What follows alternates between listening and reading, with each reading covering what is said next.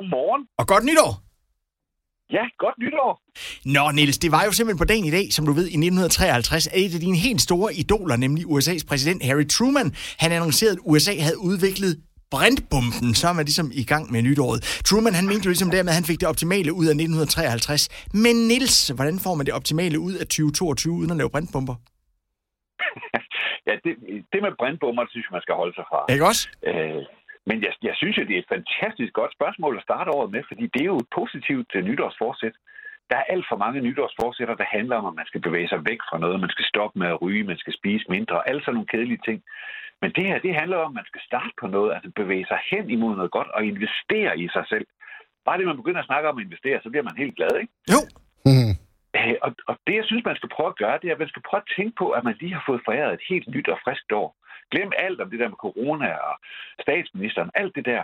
Og så i stedet for prøve at, at fokusere lidt på øh, at, at bruge det til at bygge sig selv op og blive en endnu bedre version af sig selv.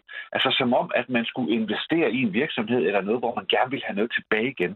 Fordi så kan man også få fokus på, hvordan får jeg, hvordan får jeg gjort det her bedre for mig selv, sådan at jeg vinder, og de mennesker, der er omkring mig, øh, vinder. I mærker det? Det lyder mm. bedre, ikke?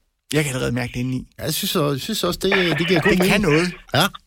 Det, det, er, det er faktisk et godt lille benspænd, at man fokuserer på det gode og det positive. For i virkeligheden, så, og det er jo det, vi nogle gange glemmer, så er det jo, øh, så er det jo mig, der øh, skal afgøre, hvor god jeg vil være. Og det er mig, der skal beslutte, hvor meget jeg vil investere i mig selv. Så kan det godt være, at jeg har brug for noget hjælp, men, men det starter hos mig.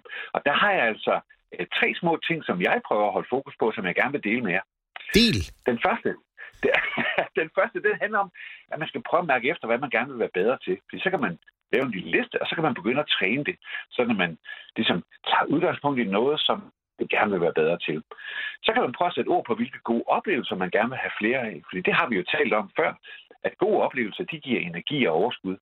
Og så synes jeg, at man skal nederst på listen prøv at skrive, hvilke mennesker, som gør en forskel for dig, øh, og som man selv gerne vil gøre en forskel for. Fordi så får man også det der sociale med.